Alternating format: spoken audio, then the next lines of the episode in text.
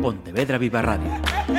Cara a cara. Damas y caballeros, la Asociación de Directores de Informativos de Radio y Televisión da la bienvenida a María Souto. En primeiro lugar, benvida e grazas. A vos, que tal? Ben hallada.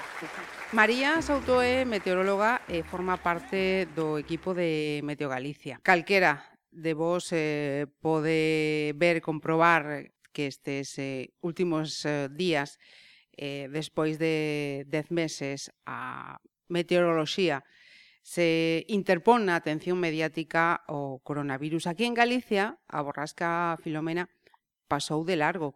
No obstante, María, hai datos eh, chamativos eh, por temperaturas, cotas de neve, xeadas aquí na, na provincia de Pontevedra? Sí, bueno, compre distinguir eh, entre dúas situacións importantes a nivel meteorolóxico que tivemos estes días pasados, non?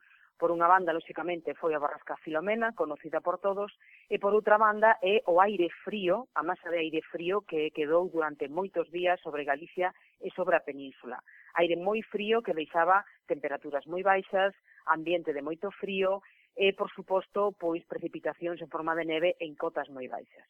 Entón, o aire frío xa comezou a principios de xaneiro a estar en toda Galicia e en toda a península. Que pasou? Que sobre este aire frío que xa había, chegou a borrasca Filomena que foi unha borrasca que entrou polo Golfo de Cádiz na península e efectivamente afectou pois, o sur, o centro peninsular e tamén a parte do nordés peninsular. E Galicia quedou co seu aire frío que xa tiña, pero non tuvo precipitacións, porque esa borrasca non pasou por encima de Galicia. Nos quedamos na influencia do anticiclón seguimos tendo o mismo frío que tiam, que tiñamos, uh -huh. pero non tivemos precipitacións. Esa borrasca Filomena, se o seu paso cando entrou pola península non atopara o aire frío que xa había, pois sería unha borrasca máis, por decirlo así. É unha uh -huh. borrasca que traía moita precipitación. En Andalucía deixou inundacións importantes de auga, non de neve. Uh -huh. Despois atopouse co aire frío e por iso deixou cantidades de neve tan significativas. Por lo tanto, digamos, a singularidade da borrasca Filomena foi que se xuntaron pois dous ingredientes pois foi ese cóctel que fixou xusto pois case a tormenta perfecta, no sentido en que había moita precipitación, esa precipitación estaba con aire moi frío e, por tanto, transformouse toda en neve, non? Por iso houbo esas nevaradas tan excepcionais. Galicia nos quedamos co frío, igual que o resto da península, pero nos quedamos, por decirlo así, sen precipitacións. Uh -huh. e, e, no que... E a velas, sí. lóxicamente, tamén serían en forma de neve en cotas moi baixas. Uh -huh. eh, é verdade que durante, sobre todo, esa fin de semana, o Benres, que foi o peor día en canto a precipitacións na península, tamén chegaron as precipitacións a Galicia, pero son nas zonas de montaña, digamos que nevaradas dentro do habitual do mes de xaneiro, pero se esa cantidade de precipitación, en vez de caer en Madrid ou en, en, en Zaragoza ou en todos en Cuenca, en todos os sitios que caeu, caera en Galicia, pois por suposto estaríamos nunha situación moi parecida. Estaríamos uh -huh. colapsados por unhas nevadas extraordinarias en cotas baixas, pero uh -huh. quedamos con tempo seco. Uh -huh. eh, entón, eh, quedando con esa masa de, de aire frío, a, as eh, temperaturas, a, a, as seadas, esa, esas cotas, chegaron a estar estes días eh, a, a cifras excepcionais ou, ou non? O máis excepcional deste, desta vaga de aire frío foi a súa duración. Eh? porque, bueno, por unha banda é normal ter temperaturas en negativo no mes de xaneiro, lóxicamente, pero o que foi excepcional foi que foron moitos días continuados, e seguimos, non? Así que vamos a encadenar máis de 10 días nalgúnas zonas de Galicia onde as noites quedan en negativo.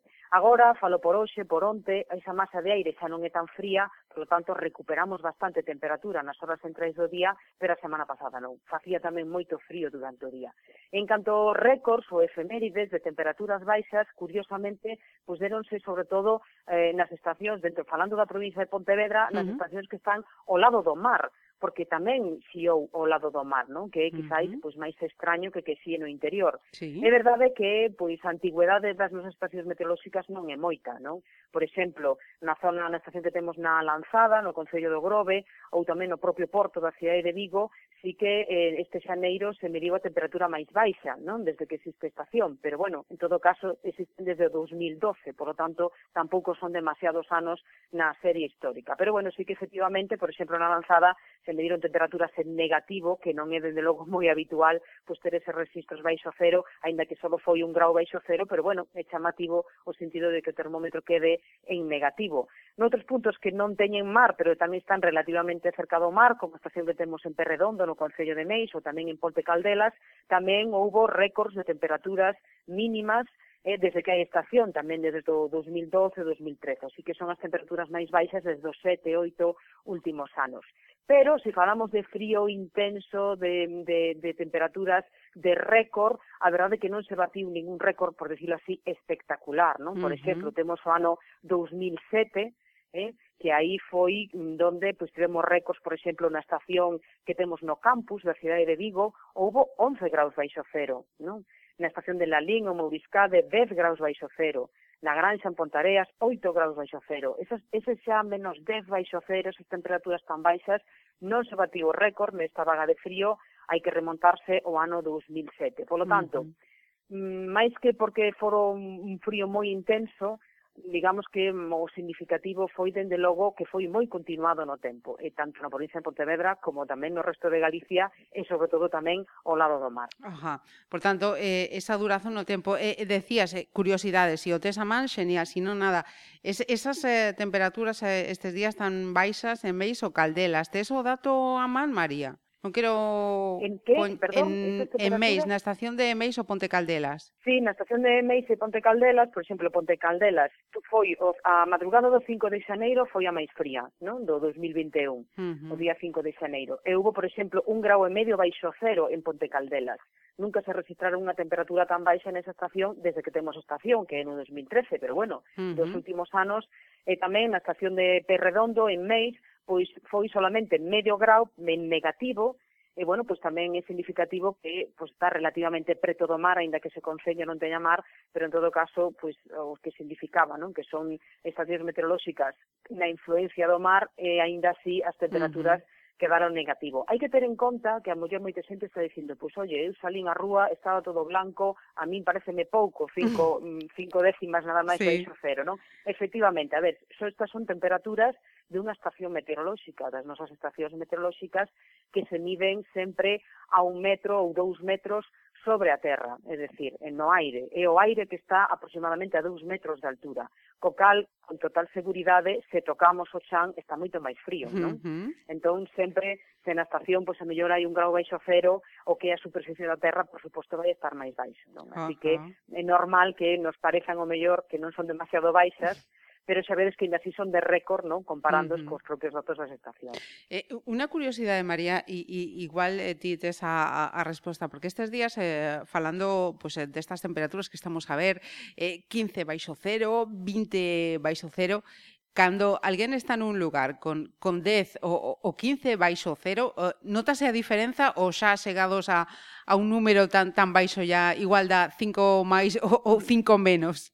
Bueno, a verdade é que non teño experiencia personal de vivilo, pero imagino que non. Eu creo que o matiz importante a hora de resistir e soportar esas temperaturas tamén influye moito o vento, non? Uh -huh.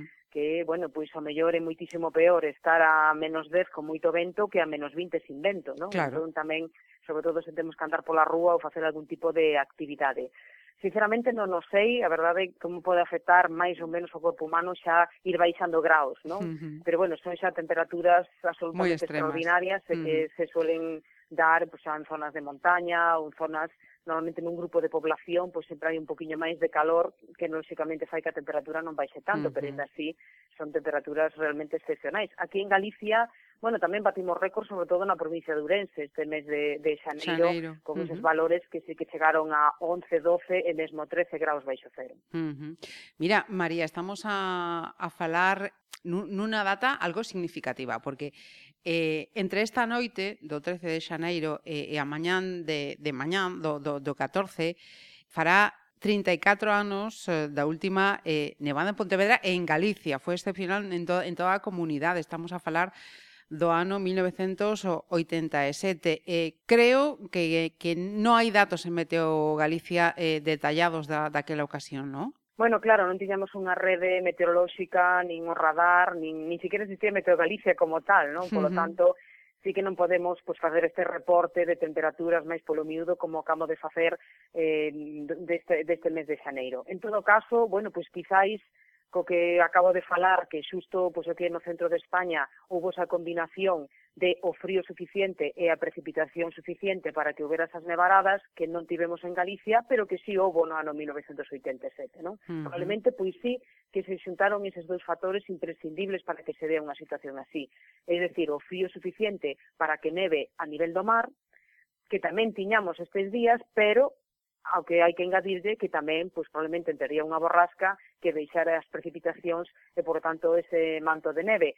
E non son da Pontevedra, son da Coruña, tamén unha zona mm, no que é unha, que difícil. vamos, unha curiosidade, casi unha lotería poder vivir unha nevarada así, mm. e bueno, pois a verdade é que non sabemos cando se vai a volver a repetir, pero ten que ser xa unha unha casualidade, non? Mm. Como xa foi esa vez. Eh, Falabas, gustoume, de, de pequenos milagres para ver a neve sí, nestes... claro, claro, claro, lóxicamente, non? É verdade que eh, ten que ten que cadrar todo, uh -huh. ¿no? ten que cadrar todo. Entonces, bueno, pois eh, a atmosfera caprichosa eh, eh, claro, estamos falando de unha situación excepcional nunha zona que non é normal, non? Tamén pode pasar que teñamos un verán pois 40 grados, podería pasar, pero non pasa tampouco uh -huh. habitualmente.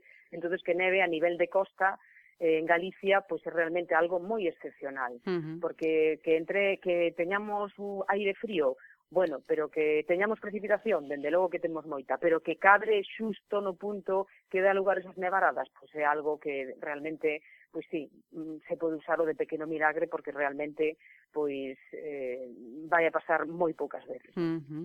Mira, eh, precisamente para aqueles que, que non sabemos de meteoroloxía, eh, todos sabemos que é difícil nestas latitudes que, que podamos eh, ver neve eh, na, na orilla do, do mar, Que, que se ten que dar? Precisamente eso que decías, aire frío e precipitacións, porque eu estaba a ler mm, por aí que tiña que ser aí como unha mistura mm, de eh, temperatura, humidade e vento. Claro, claro, realmente tense que, mm, que producir, sobre todo, a, que haxe precipitación ou que vai asociado tamén humidade, é dicir, se temos un aire frío e seco, lóxicamente, pois non se vai dar formado esa precipitación en forma de neve, non?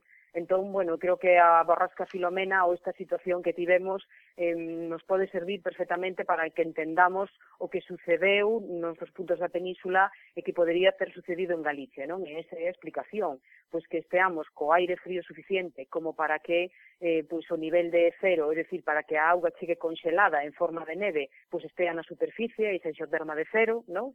E por outro lado, pois que teñamos precipitación, que veña aportada efectivamente por unos ventos que nos traian esas nubes e que nos deixen precipitación. Cando falamos de cota de neve, pois sempre decimos que a altura a partir da cal pois esa precipitación pois, eh, pois vai caer en forma de neve, non? Entón, uh -huh. Por lo tanto, eh, pues hablamos de 200 metros, 300 metros, 500 metros, pero a cero metros, a nivel do mar, claro, a, a, a temperatura desa masa de aire ten que ser realmente moi baixa, non? Uh -huh. Por lo tanto, bueno, pois non é moi habitual que eso suceda nas nosas latitudes e que nos chega a Galicia unha, unha masa de aire tan fría, non? Uh -huh. E a parte húmida. Uh -huh.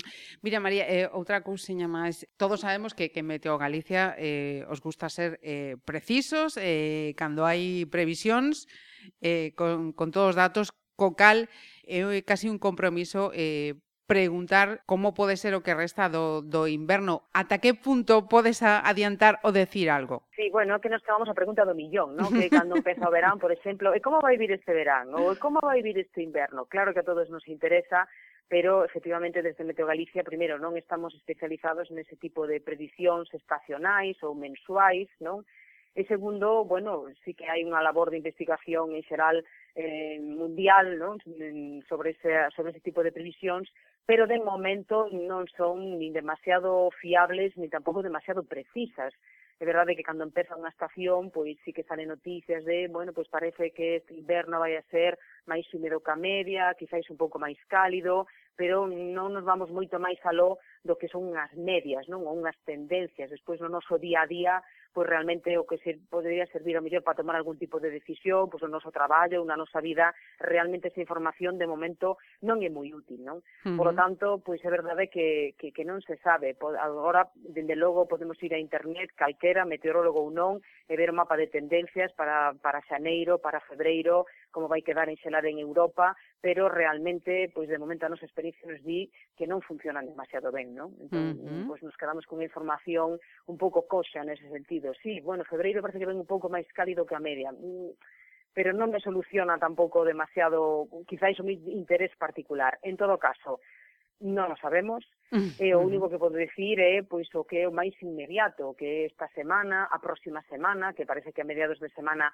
volven xa pois a tempo, por outro lado, tamén moi típico de inverno galego, que son esas frontes atlánticas, con ventos do sur, con cantidades de chuvia importantes, entón, pois, vamos a quedarnos o que son os próximos días, aínda con tempo seco, pero non tan frío, e a partir de mediados da próxima semana, pois ese outro tempo que temos no inverno galego, que é uh -huh. menos frío, pero con máis chuvia. Pois eh, Cambiaremos as, as bufandas polos paraguas, eh, é eh, o que nos, nos, nos vai quedar. Efectivamente. pois Mar... sí, a verdade é que sí. María Souto, é eh, sempre de moito interés e un placer falar con vos. Moitísimas grazas. A vos, nos encantados sempre de, de poder axudar un poquinho na, na, na situación meteorolóxica e tamén na previsión meteorolóxica. Un saúdo. Chao. Pontevedra Viva Radio ¿Me permiten que les haga un comentario como espectadores del programa Cara a Cara? Según un reciente sondeo de mercado, ustedes disponen de estudios e inteligencias superiores a la media. Sus intereses abarcan desde la actualidad mundial y la ciencia hasta el deporte y los espectáculos.